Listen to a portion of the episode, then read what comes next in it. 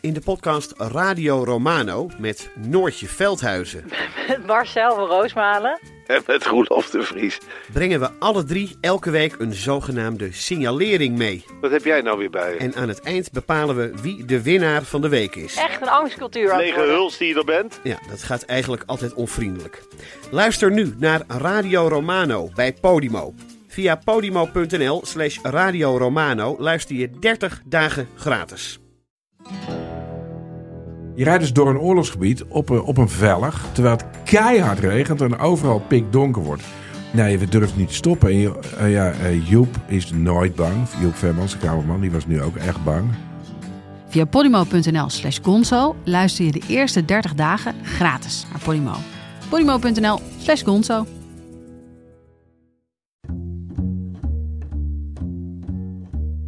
Hallo, vanaf de redactie van de Groene Amsterdammer is dit uw wekelijkse podcast. Ik ben Kees van der Bos.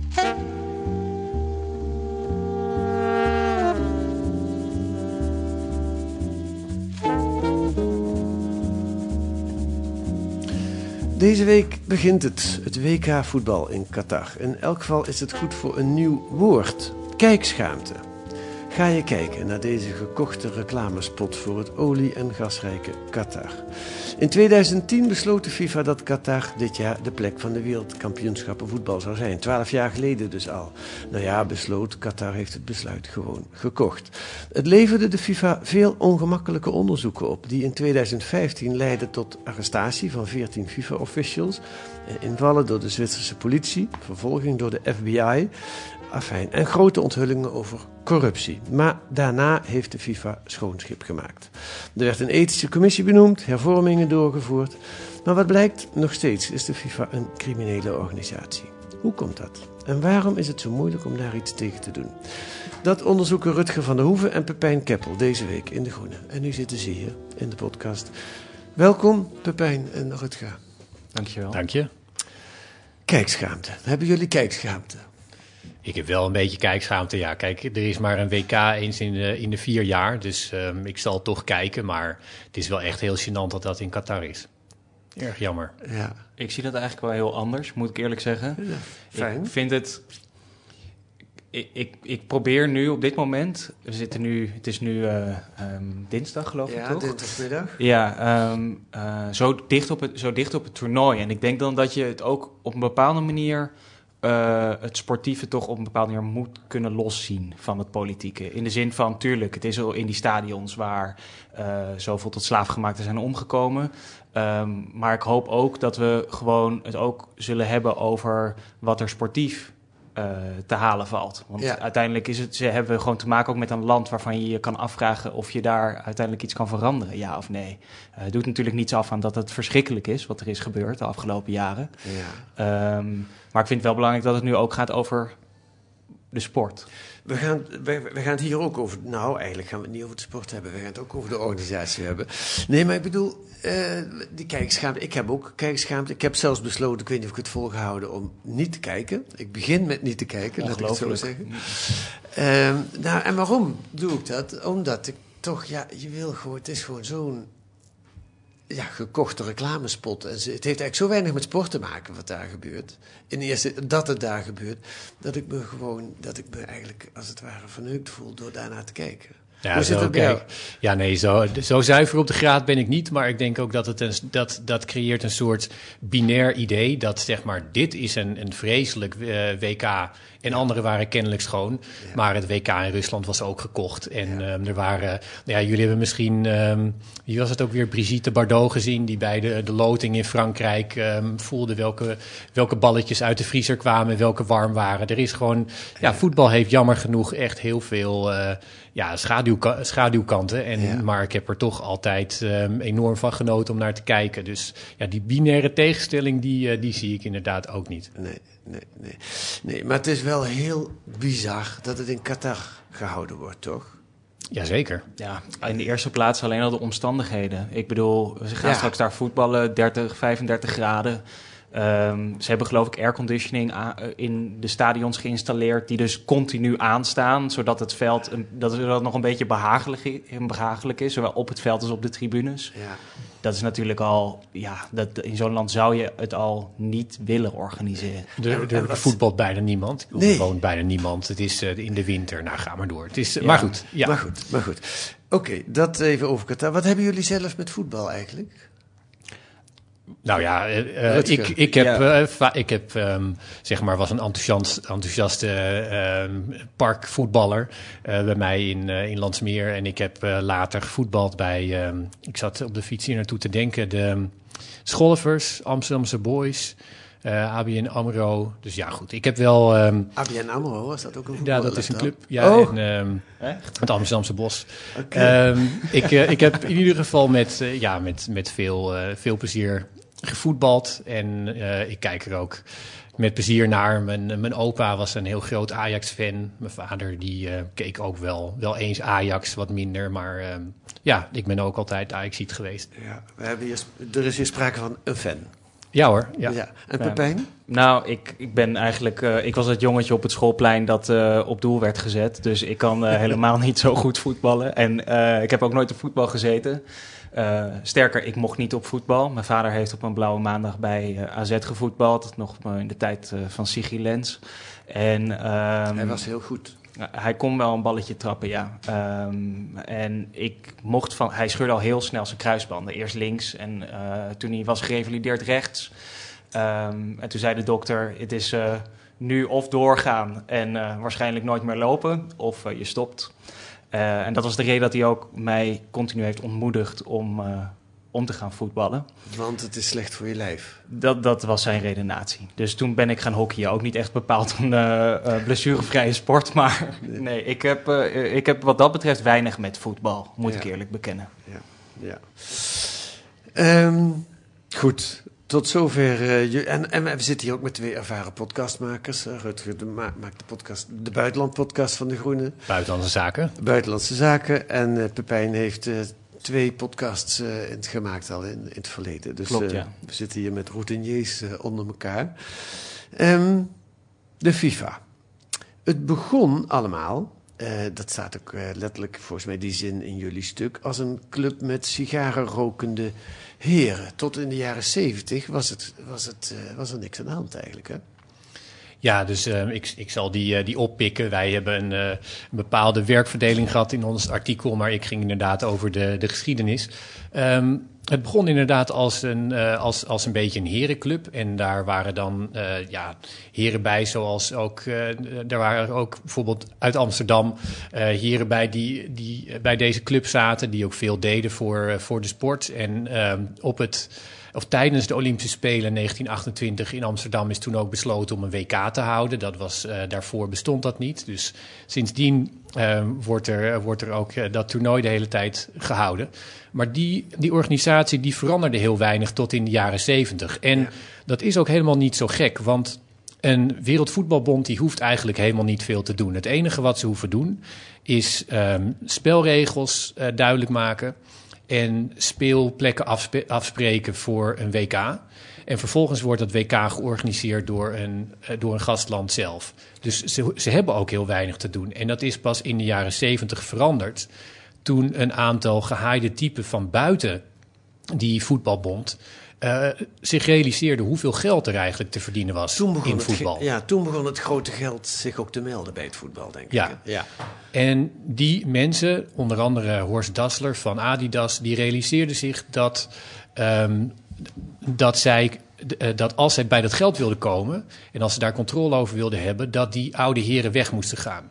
Dus die hebben toen een, ja, gewoon een soort plan bedacht voor, eh, voor een coup bij de, bij de FIFA. Die hebben de oude heren eruit gewerkt en hebben daar mensen neergeplant die ehm, ja, nog decennia lang, zelfs nog decennia na de dood van Horst Dassler, die, eh, die organisatie hebben gecontroleerd. Dat is een bizar verhaal, maar ja, zo En is hoe- het echt gegaan. Hoe hebben ze die koep gepleegd? Ja, je, je kunt hier heel lang over spreken, maar doe het in het kort, zou ik maar Nee, zeggen. dat, dat valt op zich heel, heel ehm, kort te zeggen. Omdat de FIFA FIFA is een, een bond van voetbalbonden. Ja, Dus je, als, je, als je individuele voetbalbonden meekrijgt, dan, kun je, eh, dan, dan stemmen ze gewoon op de, de kandidaat die jij bijvoorbeeld presenteert. Dus als jij, eh, nou ja, eh, als, als, een- als Europese voetbalbonden vinden zichzelf ja, belangrijker dan eh, Caribische voetbalbonden, ik zeg maar wat, omdat ze meer leden hebben. Maar iedereen heeft één stem in de FIFA. Dus op die manier kun je, kun je vrij, ehm, vrij simpel kijken naar welke, welke bonden ontvankelijk zijn voor jouw plan. Ja. En als Nederland en Duitsland dat niet zijn, nou ja, dan zijn er nog heel veel andere. en tot in de jaren zeventig was Europa eigenlijk de baas binnen de FIFA. De Euro, het was heel Euro- Europa gecentreerd. Ja, er zat ook wel iets, ja, een beetje eh, een erfenis van het kolonialisme in. Het waren ook heel eh, ja, ouderwetse heren die dat, die dat vonden. Die vonden het heel normaal dat Europa en dat zij zelf eh, de baas waren over wereldvoetbal. Ja. Dus ja, dat was op een, bepaalde manier een- een kant voor open doel, zeg maar. Ja, ja, ja. Ja, Ehm, ja en, en dus er komt groot geld in die organisatie. Nu helemaal verschrikkelijk groot geld. eh, maar dat is, begint ergens eh, in de jaren zeventig. En dat, dat blijft maar meer worden eigenlijk. Hè. Die, die rechten worden steeds eh, duurder verkocht. Ehm, en eigenlijk is het dan ook helemaal niet gek dat het fout gaat. Want het is gewoon een soort postduivenvereniging. Of het is een club waar geen enkele controle ingebouwd is. Ja, het is een Zwitserse verein, zoals dat heet. Ja. En dat is eigenlijk gewoon een soort van, ja, hoe, wat, wat heb je ook weer geschreven, Rutger? Stichting. lachen. Ja. Ja. nee, maar een duivenmelkers, een normaal gesproken voor duivenmelkers onder andere. Ja. Eh, maar het is eigenlijk heel simpel. Op het moment dat wij met z'n drieën besluiten om Ja. eh, een clubje op te richten, dan zijn we aan dezelfde eh, eisen, moeten we aan dezelfde eisen voldoen. Een podcastclub. Ja. Dan moeten we aan dezelfde eisen voldoen in Zwitserland als, eh, als de FIFA. Dus dat betekent dat je niet zo heel eh, gespecificeerde eh, jaarrekeningen hoeft op te stellen. Als je al jaarrekeningen hoeft op te stellen. Ehm, je bent heel erg, ja, je hoeft niet je beslissingen kenbaar te maken. Je hoeft geen statuten op te stellen. Het is allemaal heel ja, het is allemaal heel ondoorzichtig. En daar schermt die FIFA dus ook continu mee. Dus die zeggen ook van ja, wij zijn die Zwitserse verein. Wij hoeven niet al die zaken die jullie graag als journalisten of als eh, publiek graag willen zien, die hoeven wij helemaal niet met jullie te delen. Maar dat is een dodelijke combinatie. In feite zijn alle voetbalclubs zo. Hè. Dat zijn ook maar gewoon clubs die, die eh, eh, stel, heren die bij elkaar komen, of die, die, de clubs waar jij bij gezeten hebt, eh, Rutger, zal ik maar zeggen, bij wijze van spreken, zijn op een gegeven moment ook geprofessionaliseerd en er is veel geld gekomen. Maar er zit geen enkele controle ingebouwd. Nee, want ik, ja, bijvoorbeeld mijn, eh, mijn dochter die zwemt bij een eh, zwemvereniging. Nou ja, daar worden dan ouders die worden gepolst of ze niet eh, Ja. een, een- bestuursfunctie kunnen doen. En die zitten dan officieel in het bestuur. Maar nou, dat gaat allemaal heel erg uit de losse pols. Ja.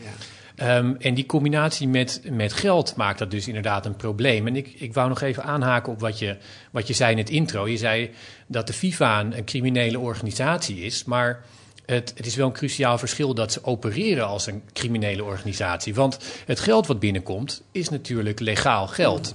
Maar vervolgens is de manier waarop eh, dat wordt verdeeld en hoe er controle wordt gehouden op het geld en hoe er loyaliteit mee wordt gekocht, dat is zoals een criminele organisatie het doet. Ja. Ehm, maar het geld zelf Ja. heeft gewoon een legale oorsprong. ja, dat maakt ze iets anders dan andere criminele organisaties. Ja, maar dat maakt dus ook een, een verleiding om ehm, ja, te proberen op die hele grote geldstroom eh, greep te krijgen, jezelf heel royaal te, te belonen. Er komen eh, geschenken, eh, nou ja, in de bladdertijd gingen dat om geschenken van miljoenen dollars. Dus dat, dat is gewoon wel ja, eigenlijk de openlijke corruptie. Er werden stemmen gekocht met, met enveloppen voor geld. Dus ja, op, op zo'n manier opereert de FIFA dan ook echt crimineel. Ja. Maar die weeffout, dus van enorm veel geld en eigenlijk een amateuristische organisatie, maakt de boel ook onoplosbaar, denk ik.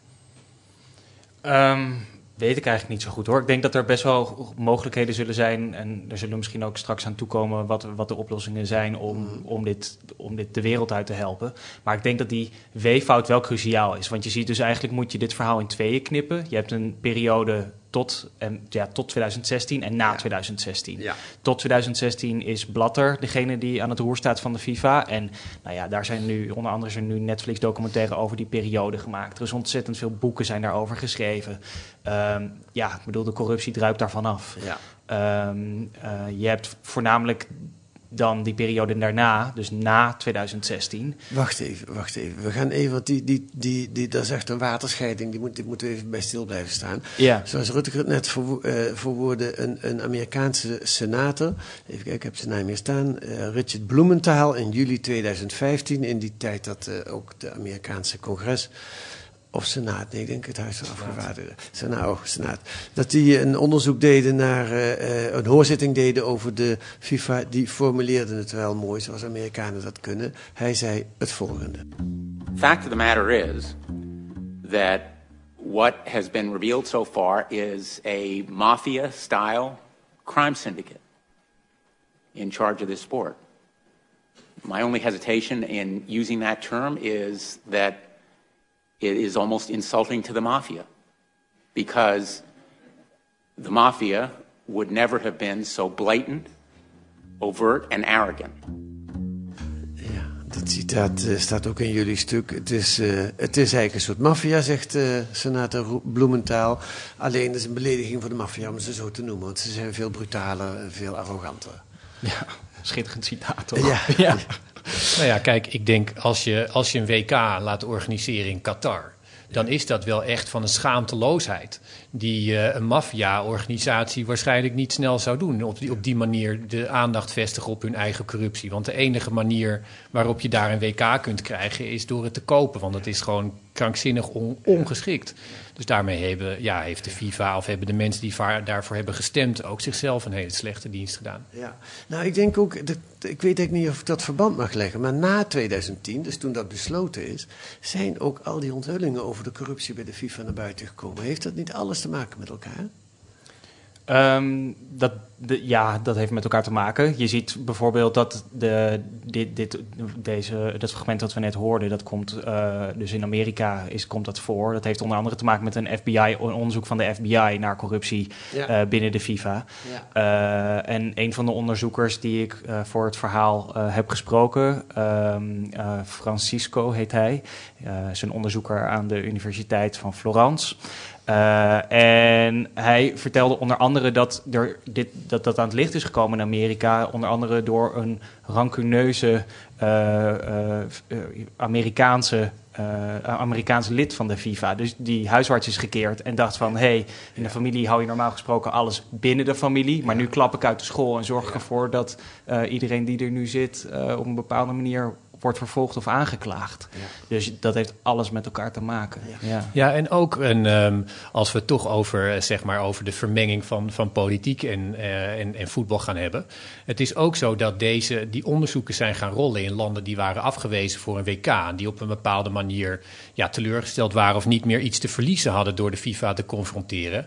En je ziet in um, dat, dat landen die hoopvol zijn voor een WK. Um, dat, daar, dat daar dit soort onderzoeken uh, dus niet van de grond komen. En in Zwitserland is een uh, notoir geval, daar zetelt de FIFA. Uh, Zwitserland is, is duidelijk ja, terughoudend met, met het aanklagen van, van mensen als Blatter, van, van Infantino. Als het toch aan de, aan de het licht komt, ja, dan gebeuren er dingen waarvan journalisten aan de buitenkant zeggen van nou ja, dit lijkt echt traineren of dit lijkt aansturen op een regeling, zodat ook voor Zwitserland er geen uh, gezichtsverlies is. Mm -hmm. Dus ja, dat, uh, in, in ons stuk uh, noemen we dat dan afgewezen minnaars. Maar daar komen dit soort onderzoeken ja. vandaan. En de Verenigde Staten was de favoriet voor, um, voor het WK, wat nu in, in Qatar is. En ja, de teleurstelling daarover hangt dus ook samen met wat er vervolgens naar buiten kwam. Ja, je zou bij dan gaan denken dat ze hun hand overspeeld hebben. Of dat ze voor een deel als, als een boemerang teruggekregen hebben. Maar goed, toen werd het 2015, 2016. Blatter wordt herkozen voor de zoveelste keer, maar moet na vier dagen aftreden. Het is te dol voor woorden wat er allemaal is gebeurd. En, en, en daar komt, uh, hoe heet hij ook weer? Gianni Infantino. Gianni Infantino. En die gaat het allemaal anders doen. Eigenlijk raak ik nu, kom ik nu bij de kern van jullie stuk. Want, want um, nou, de, de, de, spoiler is ook al uh, geweest. Het lukt helemaal niet. Het, het, het, is helemaal niet anders. Mensen die het allemaal willen weten, die moeten jullie uh, stuk maar lezen. Maar even, de, de, het is wel een Zwitserse, of is die Thomas Kirchner die jullie noemen? Is dat geen Zwitser? Dat is een Duitser. Ah, dat is een Duitser. Ik dacht dat dat een Zwitserse journalist was. Die, die, heeft, die zegt dat die uh, Infantino geen haarbeter is eigenlijk. Hè? Ofwel anders, maar niet minder corrupt. Uh, ja, dat klopt. Dus hij zegt, het wordt alleen maar erger, zei hij tegen me. En dat zegt hij omdat um, de corruptie is anders nu bij de FIFA. Het gaat niet meer via uh, persoonlijke omkoping zoals het bij, bij Blatter was. Of in ieder geval op een, op een andere schaal. Hè. Er zijn wel onderzoeken geweest bijvoorbeeld naar, omkoop, naar dit soort omkoping in de, in de Afrikaanse voetbalbond. Maar hè, laten we aannemen dat het, uh, dat het inderdaad um, dat is teruggedrongen. Maar Infantino die doet iets anders. Hij heeft um, ja, drie maanden nadat al die uh, nadat er allemaal hervormingen zijn doorgevoerd in de FIFA, daar kan Pepijn beter over vertellen. Maar die heeft hij um, op een congres meteen laten, laten wegstemmen, laten neutraliseren. Dus alle commissies die waren ingesteld werden, werden tandenloos gemaakt. Die had hij zelf ook niet ingesteld, die commissies, of toch wel? Um, Infantino? Ja, die heeft Infantino zelf ingesteld. Maar hij heeft het ook ja. weer zelf opgedoekt. Ja, je moet het denk ik zo zien dat de, doordat er dus zoveel naar buiten kwam rondom 2015, dat er, er zijn heel veel mensen opgepakt, er zijn Ja. heel veel mensen aangeklaagd in die, door, in die bladdertijd. Er moest wel iets Ehm, gebeuren. ja, er moest wel wat gebeuren. Dus en Infantino presenteerde hemzelf als de man die, ja, die dat wel eventjes zou doen. Hij is advocaat, dus hij eh, heeft een enige staat van dienst. Hij had al bij de UEFA eh, gewerkt als secretaris-generaal. Eh, en daar werd hij ook, ha- had hij een redelijk goede, eh, goed track record. Dus ze dachten van, nou, deze man die gaat het wel oplossen. En ja, je moet dan iets doen. En dat iets doen, dat was voornamelijk eh, ja, voor de bühne. Dus in Ja. de zin van, we moeten iets optuigen waarvan iedereen het gevoel heeft... oh, die FIFA, die wordt nu opeens een open, eerlijke, transparante organisatie... eh, waar, waar goed bestuur plaatsvindt. Alleen, Met een ethische commissie die de Ja. bestuurders toetst van tevoren. Ja, bijvoorbeeld. Ja, dus wat een heel interessant deel is, vind ik, in, eh, in ons verhaal, is dat er op een gegeven moment een Rus, Ja. Moetko, Ja. ehm, die wordt eh, aangesteld. Die is al aangesteld in de bladdertijd en die moet eigenlijk opnieuw gekozen worden in het topbestuur van de FIFA, het bureau. En ehm, om, daar, eh, om daar opnieuw in aanmerking voor te komen, moet hij dus gekeurd worden, moet hij getoetst worden door die ethische commissie. Eh, of eigenlijk heet die commissie de Governance Committee. Maar laten we hem voor nu even de ethische commissie noemen. En die ethische commissie die zegt eh, van ja, eh, nee, want het geval is dat Moetko is op dat moment minister van Sport in Rusland. Eh, en eh, bovendien eh, loopt daar op dat moment een dopingschandaal, grootschalig dopingschandaal, waardoor het IOC, de, interna- de eh, Olympische, eh, ja, de Olympische FIFA, Internationaal Olympisch Comité. ja, de, eh, de Russen uiteindelijk onder een neutrale vlag eh, eh, laat sporten, onder andere in Tokio nog. Ja. Ehm, eh, en Poetin, die steekt eigenlijk een beetje zijn middelvinger op. Want die zegt, ja, die- wij vinden die Moetko een hartstikke goede man. Ik Ja. maak hem vicepremier. Dus op dat moment is, bekleedt Moetko een heel ja, invloedrijke positie binnen de Russische federatie.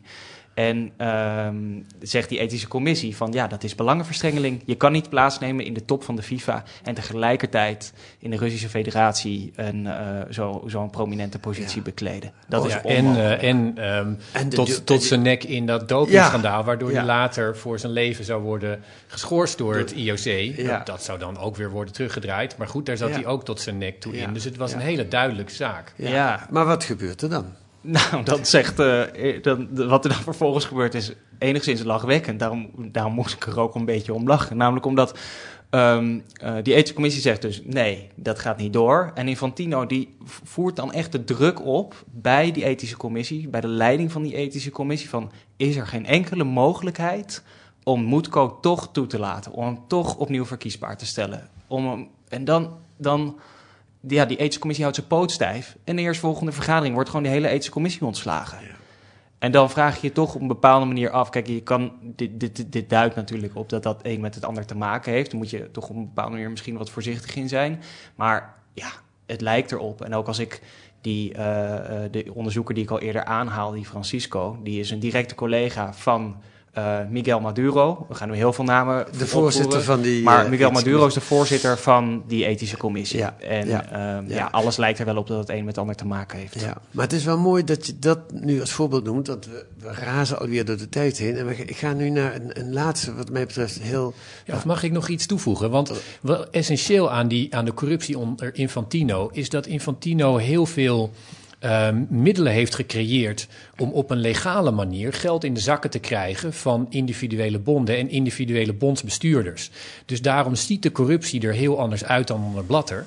Maar dat zijn allemaal programma's die bedoeld zijn voor voetbalontwikkeling, voor de bouw van, ehm, eh, van nieuwe eh, hoofdkantoren van voetbalbonden en dergelijke. Trainingsfaciliteiten. Trainingsfaciliteiten. Er moet allemaal eh, reisjes komen om, eh, voor, voor uitwisseling van ervaringen en zo. Dus, dus mensen kunnen eindeloos reizen op kosten van de FIFA in prachtige resorts. Eh, dus dat is, dat is natuurlijk ook allemaal corruptie, maar dat is legaal. Ja. En dat is, eh, volgens Thomas Kisner is het daarom erger, omdat het nu een soort stempel heeft gekregen van legaliteit. Terwijl het nog, nog steeds in feite het zorgen van loyaliteit is Ja. op basis van het geld wat de FIFA beheert. En misschien moeten we dat nog even kort uitleggen. Het is een soort Verenigde Naties. Hè? Alle landen zitten daarin. en als je die kleine voetballanden, als je die met, met eh, miljoenen dollars of honderdduizenden dollars of wat dan ook nodig is omkoopt, dan eh, die hebben, Qatar heeft een even grote stem als Duitsland eh, of als Nederland. Het maakt niet uit hoeveel voetballers je hebt. En daar zit dus je mogelijkheid om eh, eh,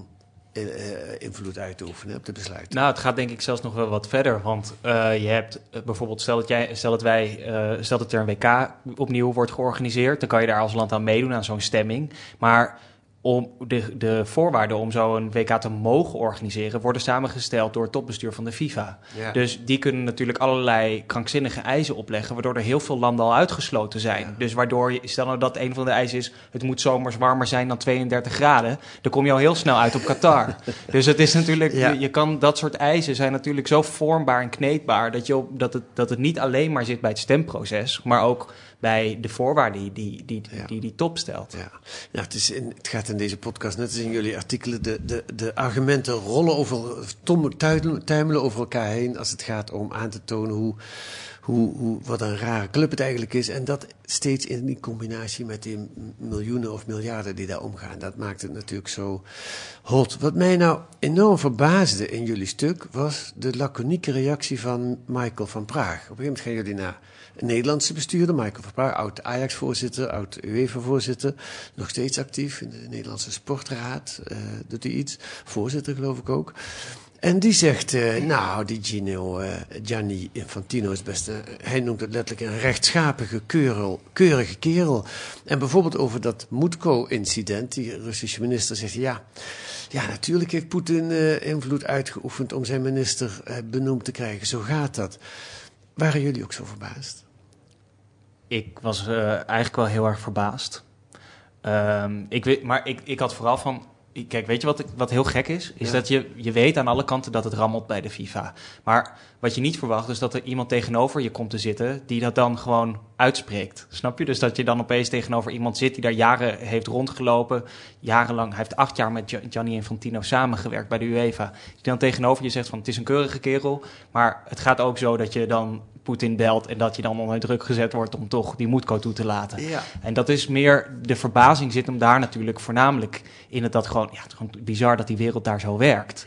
Aan de andere kant, hij heeft er ook acht jaar gezeten, dus het is niet heel erg gek dat hij op een bepaalde manier natuurlijk totaal in zijn denkwereld ja, mee is gegaan in wat daar normaal is. Ja, ja, ja. Het- hij krijgt, hij krijgt eh, in, in ons artikel gewoon ruimte om zijn, Ja. om zijn visie te geven. Dus dat, dat staat er eh, zeg maar letterlijk in. Maar ik vind het zo gek dat hij eigenlijk eh, ja, ons wilde laten weten van... ja, weet je, jullie, jullie begrijpen gewoon niet hoe de wereld Ja. werkt en hoe alles zit. Terwijl ik denk, ja, hij zelf is zijn perspectief kwijtgeraakt... of op wat een, een voetbalbond zou moeten zijn. En dit, de voetbalbond zoals hij nu is, ja, dat is het niet. Ja, nou is wel grappig dat afgelopen zaterdag in eh, eh, het NPO-radioprogramma Argos zat er een fragment. Eh, nou, laat, laat dit eerst het fragment horen. Het komt van de Zwitserse televisie van twee weken geleden.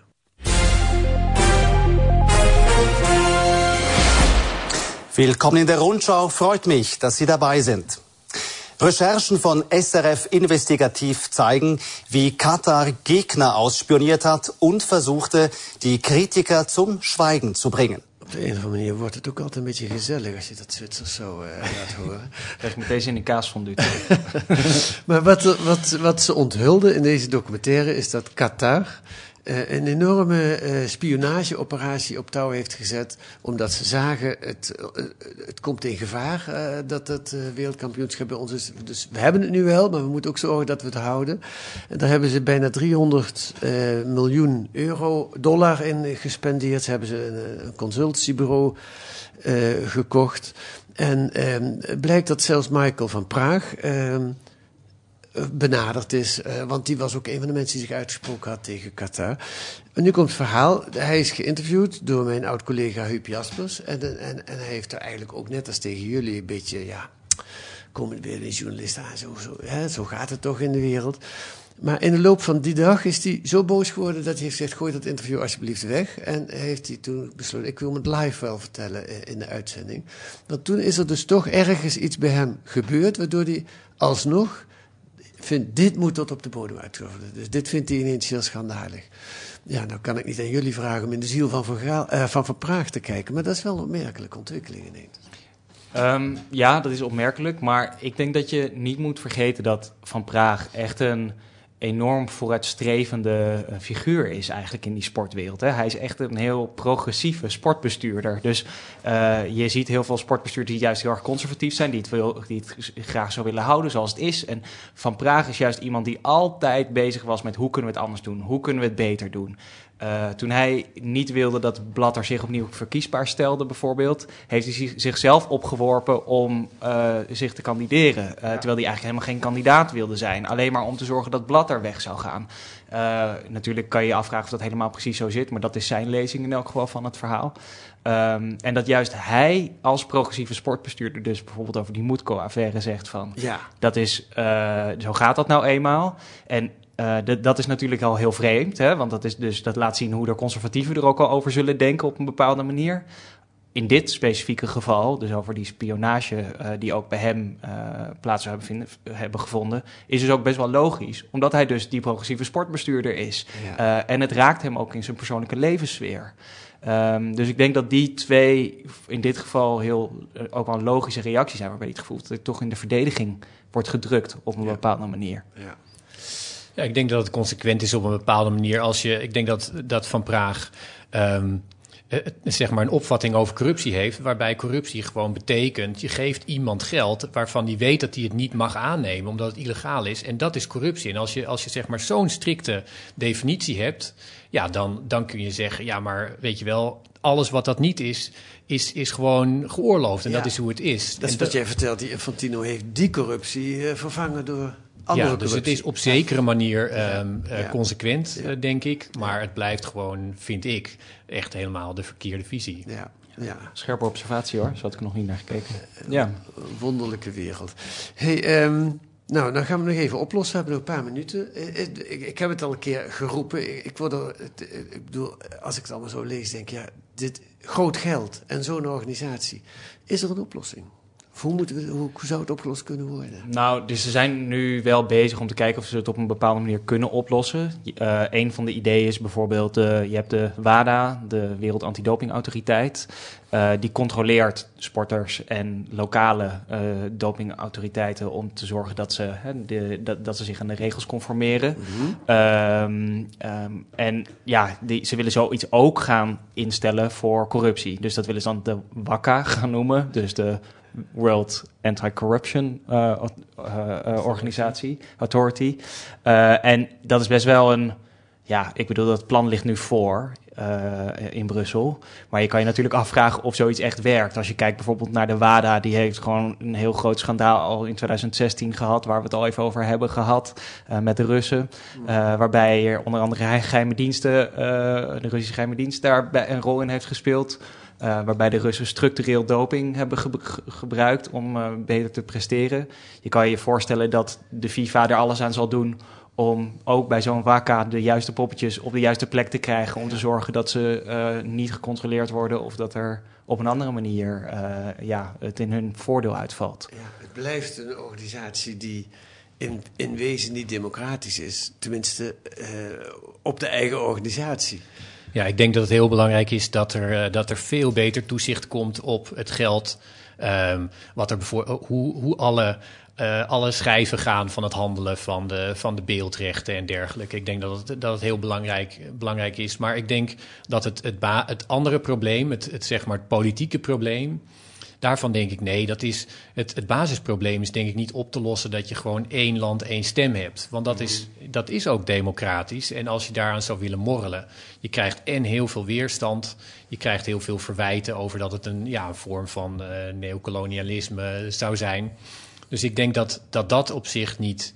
Uh, dat systeem is denk ik niet zomaar te veranderen. Maar als je kijkt naar de VN, ja, er zijn allerlei, allerlei problemen uh, mee met commissies. Maar goed, ik, um, ik denk daar, daar zullen we ons dan inderdaad aan moeten conformeren. En als in ieder geval die inkomsten op een eerlijke manier worden, worden gecontroleerd, ja, dan denk ik dat, dat dat wel echt een flinke stap vooruit zou zijn. Ik denk wel om Pepijn, jij ja, bent ja, ik wil nog hier iets over zeggen. Want ik denk wel dat er nu dat, dat het belangrijk is om te zeggen dat er, dat er zijn eigenlijk. Je kan ook als oplossing zien bijvoorbeeld dat ze uit Zwitserland zouden vertrekken. Hè? Dus dat ze dus niet meer die vereniging zouden zijn op de een of andere manier. Dat Zwitserland ze wegpest uit hun land. Ze zijn er al deels mee bezig. Ze openen in New York uh, binnenkort een deel van hun, uh, van hun business uh, kant, ja. tak van, van de FIFA. Dan moet je al veel meer papierwerk inleveren. Dus dan zou je zeggen, nou misschien worden ze dan in elk geval voor een deel transparanter. Uh, het is nog een vraag of dat doorgaat, de, overigens. Maar wat je ook niet moet vergeten is dat de hele FIFA momenteel, vooral de, de groei van hun inkomstenbronnen, zitten voornamelijk in landen in Afrika, in Azië. En juist dat zijn de landen, uh, in China bijvoorbeeld, waar totalitaire regimes aan de macht zijn. En dat betekent dus ook dat, dat de FIFA daar, het heel moeilijk is voor de FIFA om daar westerse waarden, zoals die openheid, goed, goed bestuur, transparantie, dat we dat dat, dat daar uh, een plaats gaat vinden. Omdat ja. je dan simpelweg die bonden kwijtraakt. En de FIFA er alles aan doet om hun winst te maximaliseren. En je wilt natuurlijk ook niet dat ze vertrekken uit Zwitserland... en dan vervolgens zetelen in, uh, in Beijing.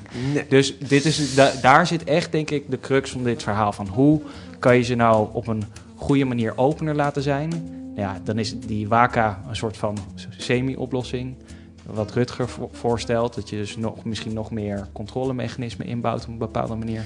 of verhuizen. Ja, maar ze zullen op de een of andere manier een autoriteit van buitenaf moeten tolereren. Ja. He, anders dan, dan, dan, dan, schaf, dan schaf je de ethische commissie gewoon af na drie maanden. Ja, precies. Uh, dan is het weer opgelost. Uh, Pepijn Keppel en Rutger van der Hoeven. We kunnen hier volgens mij nog lang over praten. Maar we gaan eerst het wereldkampioenschap zelf doen. Dank jullie wel voor dit gesprek.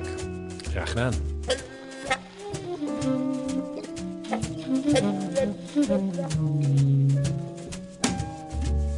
Wat staat er nog meer in De Groene deze week? Een onderzoek over de uitbreiding van de Amsterdamse top 600-lijst van jonge criminelen naar de top 1000.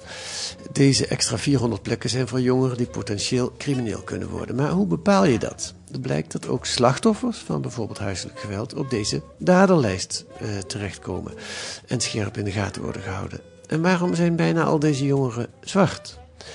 En een artikel over het bouwen van hoge gebouwen met hout. Het is nu al mogelijk en bespaart enorme hoeveelheden beton. En dat is belangrijk, want bij de productie van beton komen veel broeikasgassen vrij. Dat en het, het mooie artikel over de FIFA deze week in De Groene kunt u lezen met een abonnement of een proefabonnement. Ga dan naar groene.nl. Krijgt u 10 weken De Groene voor 15 euro. Dat wordt allemaal uitgelegd op groene.nl. Wilt u reageren op de podcast, dan kan dat ook via de mail.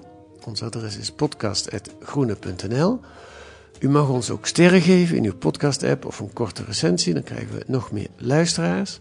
En volgende week zijn we er weer met analyses en achtergronden bij het nieuws in deze podcast van de Groene Amsterdammer, die deze week werd gemaakt door Ruben Stift en Kees van der Bos. En de muziek is zoals altijd de Tune van Paul van Kemenade.